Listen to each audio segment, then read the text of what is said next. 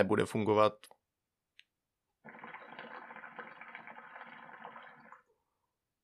Mnohem lepší.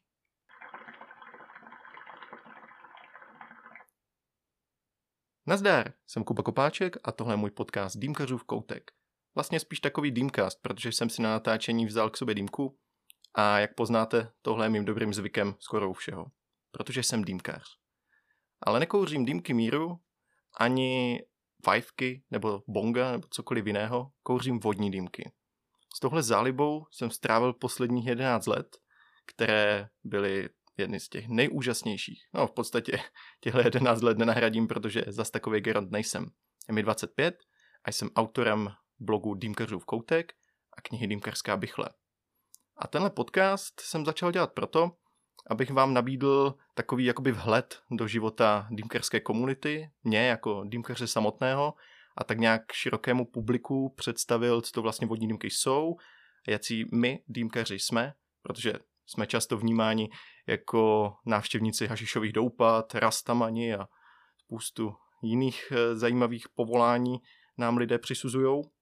A tak jsem tady já, abych vám sdělil něco o našem zajímavém světě a představil vám vodní dýmky a životní styl, který se s nimi pojí. Tak, jdeme na to. No, pro začátek by bylo fajn vám říct, kdo to vlastně dýmkař je. Dýmkař jsem já. A spolu se mnou tisíce, desetitisíce lidí po celém světě, kteří si tuhle zálibu také užívají. Dýmkař je vlastně člen subkultury. Ano, máme takovou vlastní subkulturu, dejme tomu kmen.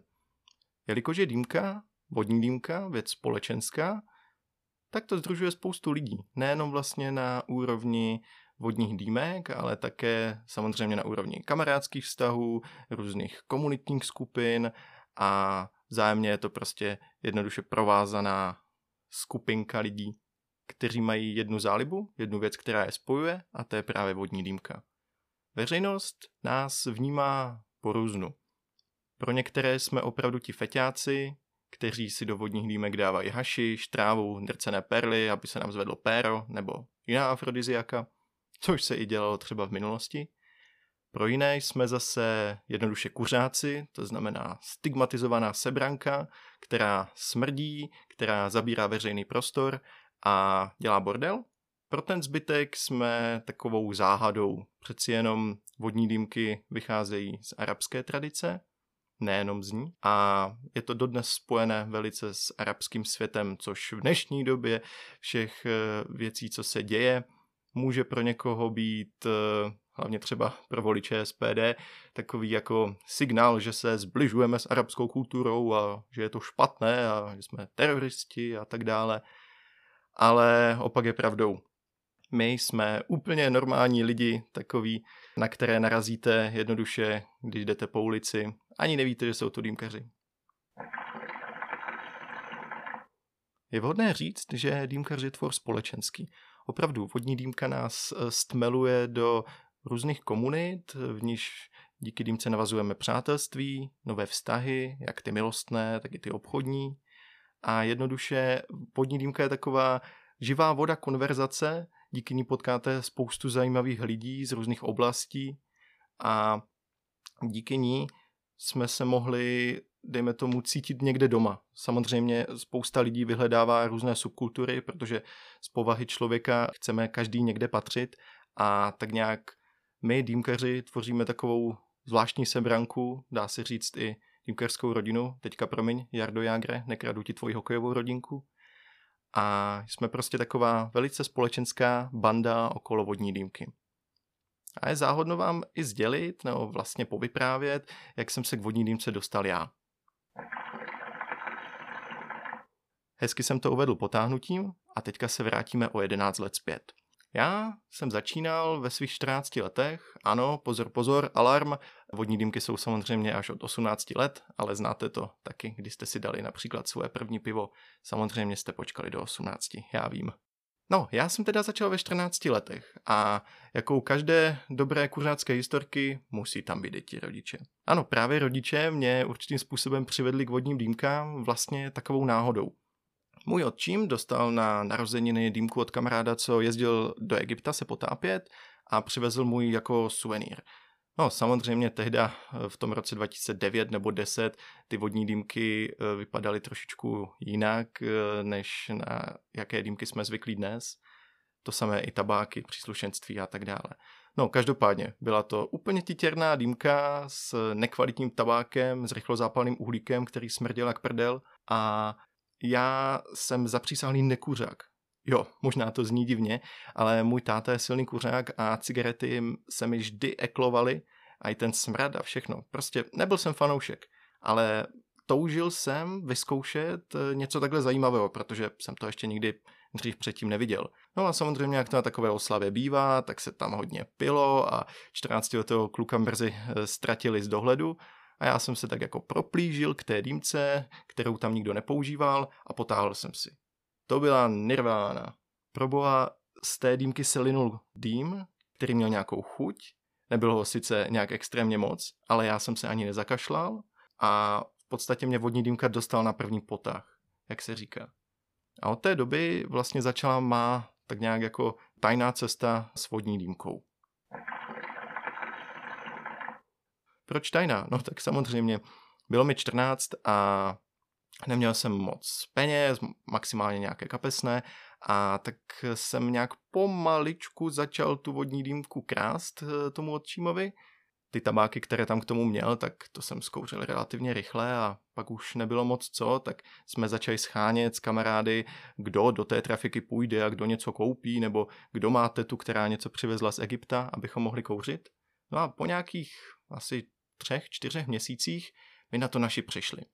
A já jsem samozřejmě očekával sekec mazec, že dostanu zleva zprava na zdar a vodní dýmka poletí z baráku. Jenže stalo se něco, díky čemuž v podstatě i já tady s vámi můžu mluvit. Já mám od rodičů skvělou výchovu, v tom smyslu, že e, mi dávají volnost, která je ohraničená určitými mantinely. No a i tenhle styl výchovy aplikovali k vodní dýmce. Řekli mi, že samozřejmě neschvalují to, ale je to můj život, moje zdraví a pokud se ho dobrovolně rozhodnu ničit, tak e, jdi do toho, ale poznej všechny následky. Jo a taky to, že vlastně nebudu kouřit za jejich peníze ani v jejich domě. Takže co teď? Dostal jsem takovou jakoby poloviční zelenou, tak jsem začal rozmýšlet, kam se vlastně s vodní dýmkou uchýlím. No, je dobré říct, že já pocházím z Bohumína, což je malé město vedle Ostravy, takže dálný východ, skoro Polsko, no v podstatě jsme na hranicích s Polskem. A tehdy, v těch dobách dávných, se tam otevřela první čajovna, čajovna Duna dodnes tam nějakým způsobem funguje. No a tak jsme e, sebrali bandu a začali jsme chodit do čajovny, protože tam vodní dýmky měli a tehdy to představovalo možná jako lepší ekvivalent, než kdybychom jako mladiství chodili na pivo. Ne, že bychom občas nechodili, ale tak nějak jsme si svůj hlavní štáb udělali právě v té čajovně. Doteďka si pamatuju na první dýmku, kterou jsem v té čajovně měl, bylo to z tabáku Alfaker, byla to nějaká jahoda nebo malina, myslím, že to byla jahoda. Ty první potahy byly úžasné, zase jsem cítil úplně jinou chuť, ta dýmka byla připravená jiným způsobem, než jsem si ji připravoval já doma a cítil jsem se úplně skvěle. No a samozřejmě čajovna je taky komunitní místo. A tak jsem tam začal poznávat různé lidi a pronikat eh, dále do tajů vodních dýmek, až jsem nakonec musel řešit tu peněžní stránku věci. Jo, měl jsem nějaké kapesné, ale to samozřejmě nevydá na to, abych mohl chodit několikrát týdně do čajovny. Takže práce. No a kde jinde pracovat, rozvíjet se, abych byl ve vodních dýmkách lepší, než v čajovně. Tak jsem se domluvil uh, s majitelem Tomem, jestli bych tam nemohl makat za nějakou minimální mzdu a k tomu se pojí ještě jedna taková historka. Já jsem si v čajovně zamiloval ty jejich jídla a konkrétně kuskus, kterým jsem se potom hodně živil i na koleji. No a tak jsem se s tím Tomem domluvil, že budu pracovat za nějakou minimální mzdu a za pár mise kuskusu. Světe div se, on na to přistoupil a tak jsem v nějakých 16 začal pracovat v čajovně a otevřel se mi úplně nový svět. Jak už jsem říkal, kolem čajovny se združuje určitá komunita. No a když tam člověk jenom chodí, tak eh, se samozřejmě seznamuje s lidmi na place, ale když tam pracuje, tak poznává ty lidi tak nějak všechny. No a já jsem začal sledovat lidi, kteří tam na tu dýmku chodí, a jelikož já jsem docela extrovert a držka, takže jsem s nima začal vždycky jako konverzovat, až jsem narazil na člověka, který byl v jedné komunitě, které se říkalo dýmkaři. V té době, 2011-12, už jako velice frčel Facebook a už to nebylo jenom na kvízy, zakládali se tam skupiny. No a právě skupina dýmkaři byla takovým jakoby mým, jak bych to řekl, takovým odrazovým můstkem za lepším dýmkařením. Tak jsem se s tím člověkem seznámil, on mě pozval do té skupiny, já najednou viděl, že existuje mnohem více značek, vodních dýmek, tabáku a všeho možného a začal jsem prostě sát jak houba všechny informace, začal jsem poznávat lidi z této komunity a když jsem měl možnost, tak jsem za nima i někde vycestoval. Praha, Brno, Olomouc. Bylo to fajn a takhle jsem poznal spoustu lidí a někteří z nich jsou mý dobří přátelé dodnes. Takže jsem se začal nějakým způsobem rozvíjet. I sám jsem si začal kupovat své vlastní první dýmky domů vy, kteří dýmkaříte, tak vám to možná něco řekne, vám, kteří jste v tomhle nováčci nebo naprostí lajci, možná ne, ale koupil jsem si svoji první dýmku Aladdin, což je dodnes legendární značka dýmek, koupil jsem si dýmku Shikul, která měla takovou jako zajímavou plastovou vázu, mezi kterou byl chladící gel, který tak nějak jako zmizel po asi třech měsících používání a taky svoji první dýmku Kaja, což byl pro mě takový jako vstup mezi jako hardcore dýmkaře v tehdejší době 2012, 2013, tak nějak. Zjistil jsem, že mě baví se v těchto věcech rozvíjet, zkoušet různé metody nabití tabáku, hledat nové značky, chodit do dýmkarských podniků a jednoduše zkoušet vše možné. Pak jsem narazil v mém maturitním ročníku na čajovnu na Rinku, což je čajovna v Ostravě, dodnes fungující a pod ní vznikl šišabar. Čajovny jsou vlastně prostor, kde si můžete dát čaj z celého světa, i nějaké jakoby pochutiny plus vodní dýmky, ale není to úplně zaměřené na ty vodní dýmky. No a v tom minulém desetiletí, teďka už to můžu říkat, přišly šišabary. Já vám o tom potom mnohem více povím podcastu, který bude věnován jako historii dýmkaření tady u nás i ve světě. Ale šišabary byly vlastně konkrétně zaměřené na vodní dýmky plus nějaké jako samozřejmě pití a tak dále.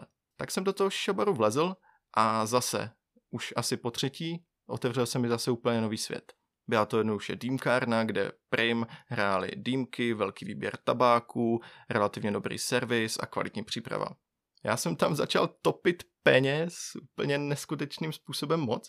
Pak eh, přišla vlastně provozní tady toho podniku, no majitel, a řekl mi, jestli bych tam chtěl pracovat pro mě to byl úplně sen, že jsem se mohl posunout vlastně z takové jako začáteční čajovny do opravdového šišabaru, tak jsem na to kývil a v maturitním ročníku jsem tam dělal dýmky. Postupem času jsem se tam vypracoval až na provozního a začal jsem tam vlastně ty dýmky šéfit ve velkém. No a v té době jsme tam měli neskutečný výběr tabáku, skvělé dýmky, i když trošku rezly potom holky, takové jako zajímavé schody nahoru, na kterých nám často někdo padal nebo exnul, takže tam jsme dole pod schody často sbírali mrtvoly. Pak se stala věc, která mě tak nějak vytrhla z tady tohohle života. No jednoduše, byla to maturita. Musel jsem zmaturovat, což se mi taky povedlo a samozřejmě výběr školy šel s tím ruku v ruce. No a já jsem tak nějak se rozhodoval, kam teda svou prdel umístím po republice, Jestli Olomouc, Brno, Praha. A ve finále do té Prahy jsem chtěl úplně nejmíň, ale našel jsem tam obor, který mě už od počátku dost zajímal. A ten se jmenuje Marketingová komunikace a PR na Univerzitě Karlově, zkráceně MKPR, a tam jsem si podal přihlášku, protože mě to zaujalo. Ve finále ty přijímačky na tady tenhle obor byly ze všech těch dosavadních úplně nejtěžší, ale já jsem se do toho opřel a nějakým zázrakem jsem se opravdu na MKPR dostal – takže to znamenalo přestěhovat se do Prahy. A ve spojení s tímto oborem a přesunem do Prahy začala vlastně úplně nová kapitola v mém dýmkaření. Bum. Přestěhoval jsem se do Prahy, což byl zpětně takový krok do neznáma. Ale každý, kdo jde na výšku do jiného města, tenhle krok prostě absolvuje. Začal jsem bydlet na koleji na Břevnově, což byla kolej plná mediků a právníků, takže pokud člověk chtěl nějakou party, tak si ji musel udělat sám, po případě najít ty správné lidi. A taky jsem začal chodit na MKPR. Na tomhle oboru je senzační to, že združuje strašnou spoustu lidí, kteří něco umí. Jsou v něčem unikátní, jsou aktivní ve své tvorbě a vesměs zajímaví. Tímto bych chtěl zamávat eh, Nichols A Cup of Style a Kovimu, kteří byli moji spolužáci a konkrétně z Nikol jsem chodil i do ročníku. No a znáte to, e, začíná výška, takže párty a poznávačky, seznamováky. A já jsem zjistil, že v podstatě všichni ti spolužáci, včetně Nikol, dělají něco zajímavého a že mě to strašně inspiruje k tomu, abych sám do něčeho udělal zářez. Jednou jsem se s Nikol bavil, proč vlastně dělá svůj blog a co jí na tom baví, tak mi vysvětlila svoje vnitřní pohnutky, svoje záliby a mě to strašně inspirovalo k tomu začít sám právě psát blog. A tak se taky stalo. Bylo to přesně před rokem, hm, prd, bylo to přesně před pěti lety. Bylo to v lednu devátého a já se zrovna učil na koleji na úvod do ekonomie, což byla strašná nuda. Doteďka si pamatuju teorii pozlaceného chladiče a různé jako další snad vybájené pojmy. A já jsem se opravdu nechtěl učit. No a co se stane? Člověk začne prokrastinovat. Já jsem si jako svoji osobní prokrastinaci zvolil blog. Na Gimplu mi učitelky říkali, že docela slušně píšeš, Kubo, a tady máš jako jedničku z té slovky a strašně dobře se mi psali úvahy. Tak jsem do toho tak nějak jako zabruslil a rozhodl se, že začnu psát taky. A teďka volba tématu. O čem vlastně budu psát? Čemu rozumím? Přece nebudu psát o něčem, o čem nic nevím. Pak mi to douše brinklo, protože stejně jako teďka, jsem i tehdy u vymýšlení blogu kouřil dýmku. Došlo mi to. Já vlastně nějakým způsobem rozumím vodním dýmkám a všechny prameny na internetu, které o vodních dýmkách byly, byly buď v cizím jazyce, nebo to bylo roztříštěné do různých komunit a malých témat a nikde jsem nemohl najít něco, z čeho bych se uceleně dozvěděl, jak vlastně s vodní dýmkou pracovat. Já už jsem v tehdejší době byl součástí jednoho projektu, ten se jmenoval Projekt Dýmka a spolu s Michalem Stokláskou jsme natočili pár videí, víceméně recenzí na nějaké dýmkarské produkty. Michal to dělal i přede mnou a pak i určitou dobu v tom pokračoval dál. A pro mě tam byl kámen úrazu v tom, že kdykoliv jsme něco natočili, tak my, jelikož jsme byli lamky, tak jsme to samozřejmě nestříhali a neprodukovali. Tak to musel dělat někdo jiný a vytvoření jednoho takového videa trvalo čtyři týdny. Což jsem si řekl, že hm, to se mi úplně moc nelíbí, když to nemám ve svých rukou a navíc to ještě tak dlouho trvá. Takže ten blog a v podstatě tvoření obsahu na vlastní triko se ukázalo být tou jedinou a nejlepší cestou. No a tak jsem začal. Co se týče názvu Dýmkařův koutek, tak to se vymýšlel fakt dlouho. Jsem si říkal, jako, jestli by to mělo být něco jako mezinárodního, abych měl nějaký přesah, nebo po případě bych to udělal opravdu jako české, takže nějaké české, jakoby vzletné slovo. Až nakonec eh, se tak stalo na jedné kuchyňce a tam eh, jsem ze sebe sypal různé názvy, až mi tehda kamarádka řekla, hej, počkej, tohle bylo fajn, Dýmkařův koutek si říkal, jo, jo, jo, no tak to použij, to přece je tak nějak všeobjímající. Tak jsem si říkal, jo, v podstatě už nemám ani moc čas něco vymýšlet, tak jo, bude to teda Dýmkařův koutek. Dýmkařův koutek slaví pět let a za tu dobu se udála strašná spousta věcí. Takže jenom možná tak v krátkosti. Já jsem začal teda v lednu v roce 2015 a v tehdejší době opravdu toho moc nebylo. Byla jedna knížka, Vodní dýmka od Timoteje Jančára a ještě jednoho autora, kterého si teďka zrovna nepamatuju a ti vlastně zhrnuli základy jako vodní dýmek a Prostě byla to taková kniha, z které se dalo vycházet, ale ve finále zase byla to kniha, nebylo to něco, k čemu by měli přístup úplně všichni. Takže jsem začal vlastně přemýšlet, jaké články by lidi vlastně ocenili. A tak vznikla Dýmkerská Bible, což je série dnes už 12 článků, které vlastně popisují vodní dýmky od A do Z. Začal jsem tyhle Bible psát a strašně mě to bavilo. Měl jsem neskutečný drive, taky samozřejmě v té době jsem byl jenom student a měl jsem na to spoustu času, takže jsem na koleji škrábal, seč to dalo. A začaly vlastně tyhle první Bible vycházet. Já je začal šířit v našich komunitních skupinách, protože tehda už nebyli jenom dýmkaři, vznikla skupina, již jsem vlastně spoluzakladatelem, která se jmenuje Ček A jednoduše začal jsem tím spamovat celý Facebook, skoro všechny skupiny, kde jsem byl, takový jako klučina, co skáče a říká, tady jsem, tady jsem, přečtěte si mě. Takže v podstatě v té době jsem byl docela jako otravný s tímhle, ale světe div se, ono si to své čtenáře našlo.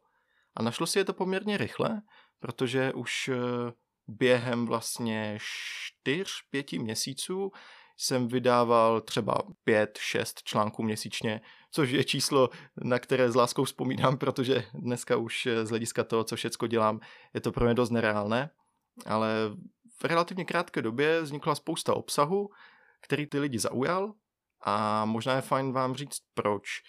Ne, nebyly to jenom ty informace o vodních dýmkách, já jsem se rozhodl, že budu psát takovým zvláštním stylem. E, není to styl nový, ani nijak extrémně převratný, ale jednoduše zábavný.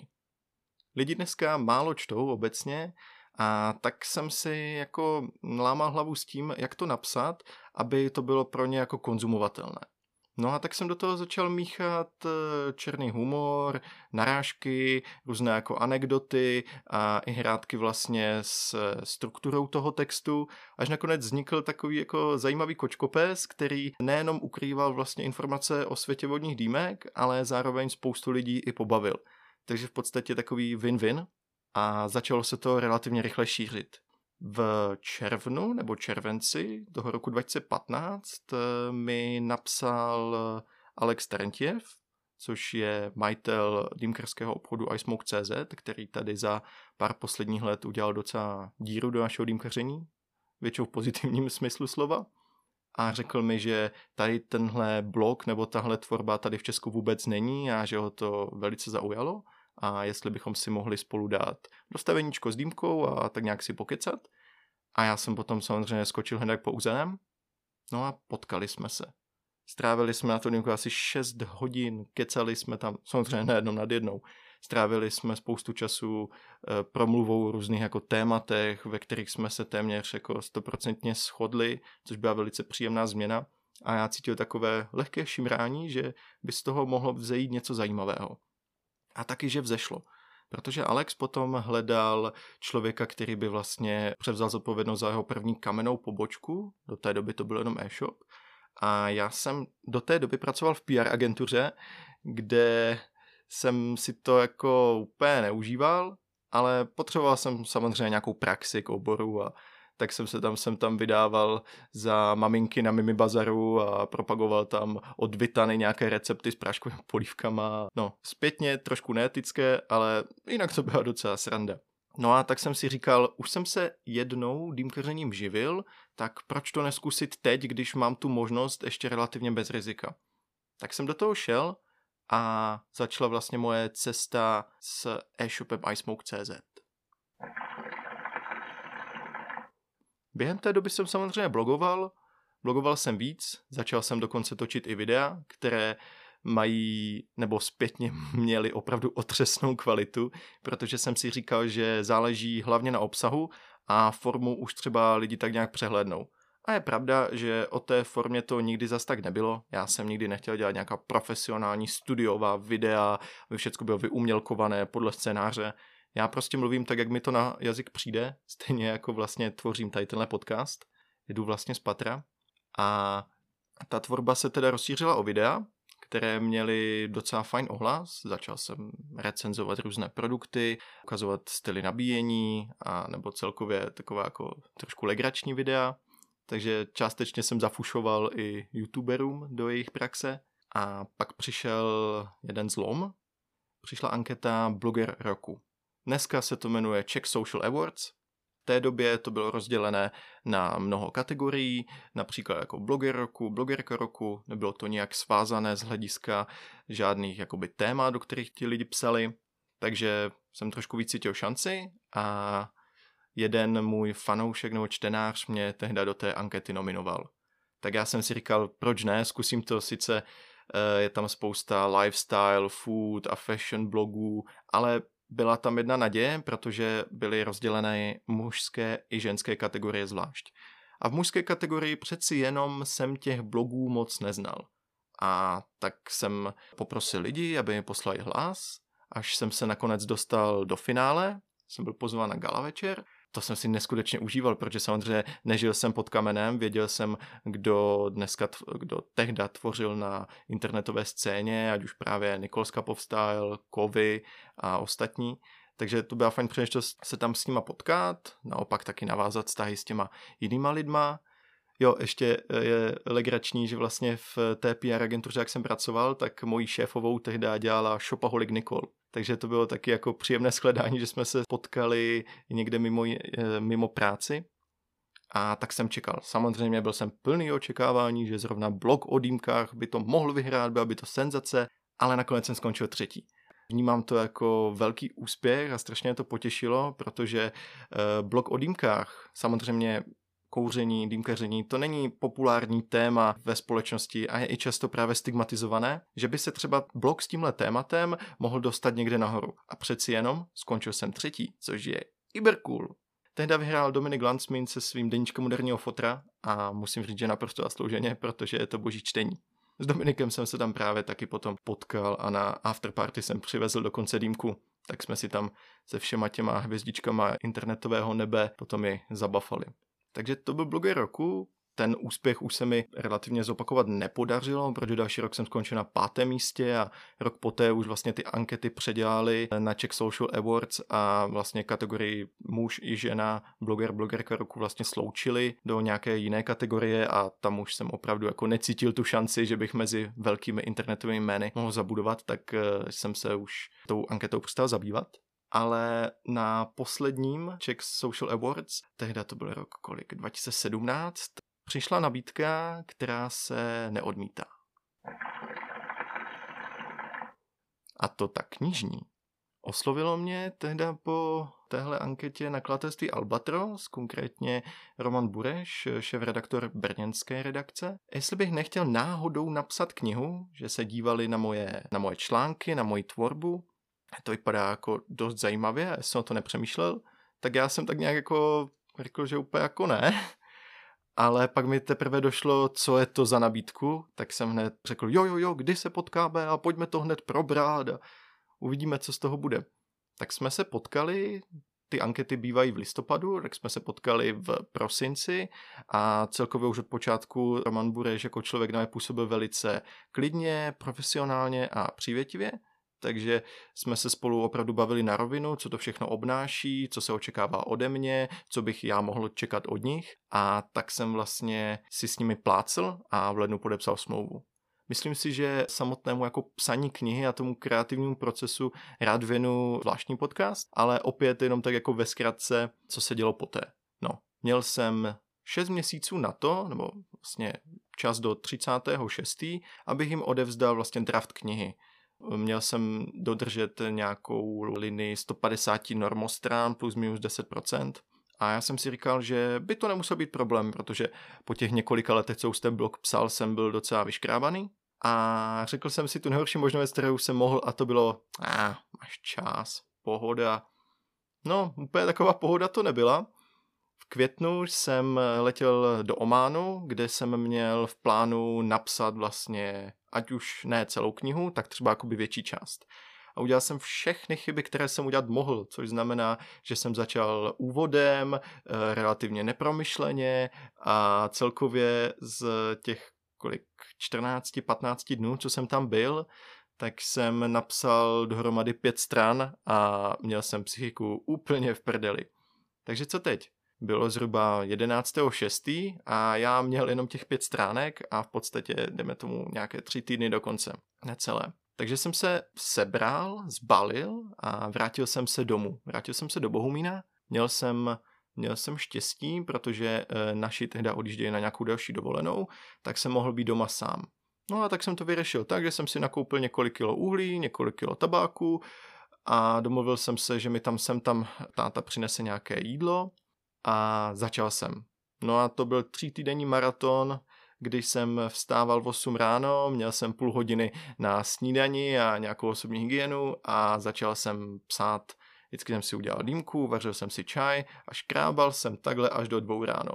Po třech týdnech jsem byl absolutně vymletý mozek na kaši a nemohl jsem se ani pořádně hýbat. Ale dopsal jsem to. A ještě mnohem víc, protože nejenom, že to nebylo 150 stran, ono to bylo dokonce 250 stran. Tak jsem to v nějakém stylu poslal šéf-redaktorovi, aby se na to podíval. Já jsem zatím nějakých pět dnů regeneroval a on mi potom odepsal, že je to perfektní, ale, jak to tak bývá, trošku jsem nějak přešvihl jakoby rámec smlouvy, co se týče toho rozsahu. No a co s tím? Tehda jsem do toho absolutně nechtěl zasahovat, protože samozřejmě jsem si myslel, že jsem napsal to nejlepší, co jsem mohl, ale jak mi až potom došlo vlastně s škrtáním vznikne ta nejlepší knížka. Nebo vlastně cokoliv, musíte se podívat na svoji tvorbu a zpětně ji trošku kriticky zhodnotit. No a tak se škrtalo, škrtalo, až se doškrtalo na 194 stran a tam už jsem řekl, že s tím nehnu, že takhle to prostě bude. A, což bylo super, oni mi vyšli vstříc. No a potom začala bitva o obálku, o grafickou podobu tady toho, o fotky a jak to vlastně bude vypadat, což vydalo na nějaké tři měsíce. Až eh, to bylo hotovo, kniha šla do tisku a začal vlastně předprodej 30.11. nebo kdy, ne, 30.10. začal předprodej. A samozřejmě ni, oni mi dali důvěru, ale vůbec nevěděli, jak se bude knížka o vodních dýmkách prodávat. Jak jsem vám říkal, byla tady zatím jenom jedna. No a já taky ne takže jsem se snažil propagovat, seč to šlo a měl jsem tu důvěru v to, že jsem opravdu napsal kvalitní věc, která ty lidi nejenom poučí, ale třeba i pobaví. Tak jsem do toho dal všechno a prvonáklad byl nějakých 1500 kusů, což je relativně málo, ale bylo to ze strany Albatrosu vlastně takový jako uh, safe krok, prostě 1500 a uvidíme, jak to bude. No a jenom v předprodeji se za měsíc prodalo 500 knih, což nám všem udělalo strašnou radost a byl to jako dost dobrý ukazatel. Vlastně kniha vyšla 3. prosince 2018 a vyprodala se za neskutečný jako 27 dní nebo za dlouho. Prostě po novém roce už jsme začínali dělat dotisk. To bylo naprosto úžasné. Nečekal jsem, že by se ta knížka mohla takhle prodávat a e, měla fakt úspěch. A tak jsem vlastně celý rok 2019, nebo aspoň část z něj, věnoval tomu, že jsem jezdil s knížkou přednášet do různých měst, navštívil jsem jich sedm a vždycky to byla akce, kdy jsem představil knihu, udělali jsme nějakou soutěž, pobavili jsme se a celkově to bylo strašně příjemné potkat i spoustu těch čtenářů vlastně naživo. A moc jsem si tady tuhle část propagace knížky užil, až jsem vlastně na, pomalu na cestě k překladu. To byla věc, kterou jsem vždycky udělat chtěl, protože e, celkově té literatury na tohle téma není ani ve světě moc. A já jsem chtěl tuhle knížku přeložit do angličtiny, ruštiny a němčiny, tak jsem to začal pomalu řešit, ale jsou tam takové jako malé zádrhely, které jsem eh, nakonec zhodnotil, že počkaj, celkově překlad knihy počká, než já dokončím své vzdělání magisterské a tento uh, půl rok uh, udělám diplomku a až potom vlastně může vzniknout knížka, na kterou opravdu budu mít čas, doplněná o nové věci a uh, mezinárodní verzi. No a to je tak nějak long story short o tom, proč zrovna já tady s vámi mluvím, já jako Kuba Kopáček a co mám vlastně všecko na svědomí. A teďka je možná dobré vás nalákat na to, co vlastně vás v tomhle podcastu čeká a co s ním zamýšlím. Podcast Dýmkařův koutek. O čem to bude, co vás čeká a co vás nemine? To je dobrá otázka. Chci se zaměřit v tomhle podcastu hlavně na to, abych vám lajkům vysvětlil, co to vlastně vodní dýmka je, jakou má historii proč je Česko jedna z takových menších dýmkerských velmocí a jaký vlastně dýmkeři jsou z různých úhlů pohledu. Také bych chtěl dát prostor zajímavým hostům, kteří by zarepovali svůj životní příběh, promluvili bychom si na různá témata okolo vodní dýmky a hlavně zjistit jejich zajímavé názory. Přeci jenom pokec je dostkrát zajímavější než eh, takovéhle moje dýmkerské monology. Rád bych se vlastně rozloučil s tím, že bych vás pozval na sledování příštího podcastu a v podstatě i všech těch, které potom přijdou. A pokud chcete odebírat tenhle podcast, jsem na všech takových těch klasických Spotifyích, Apple podcastech nebo Anchoru. můžete se mrknout na odkaz a kdybyste měli jakýkoliv námět nebo připomínku k tomu, co budu tvořit, tak klidně posílejte na mail, který je v popisku, nebo na sockách, klidně mám stránku na Facebooku Dýmkařův koutek, jednoduše budeme spolu ve styku, ale v takovém tom správném. Tak jo, za mě to bylo dneska všechno, těším se na vás u dalšího podcastu a loučím se s vámi já, Kuba Kopáček, a těším se na další společný sedánek. Nazdar!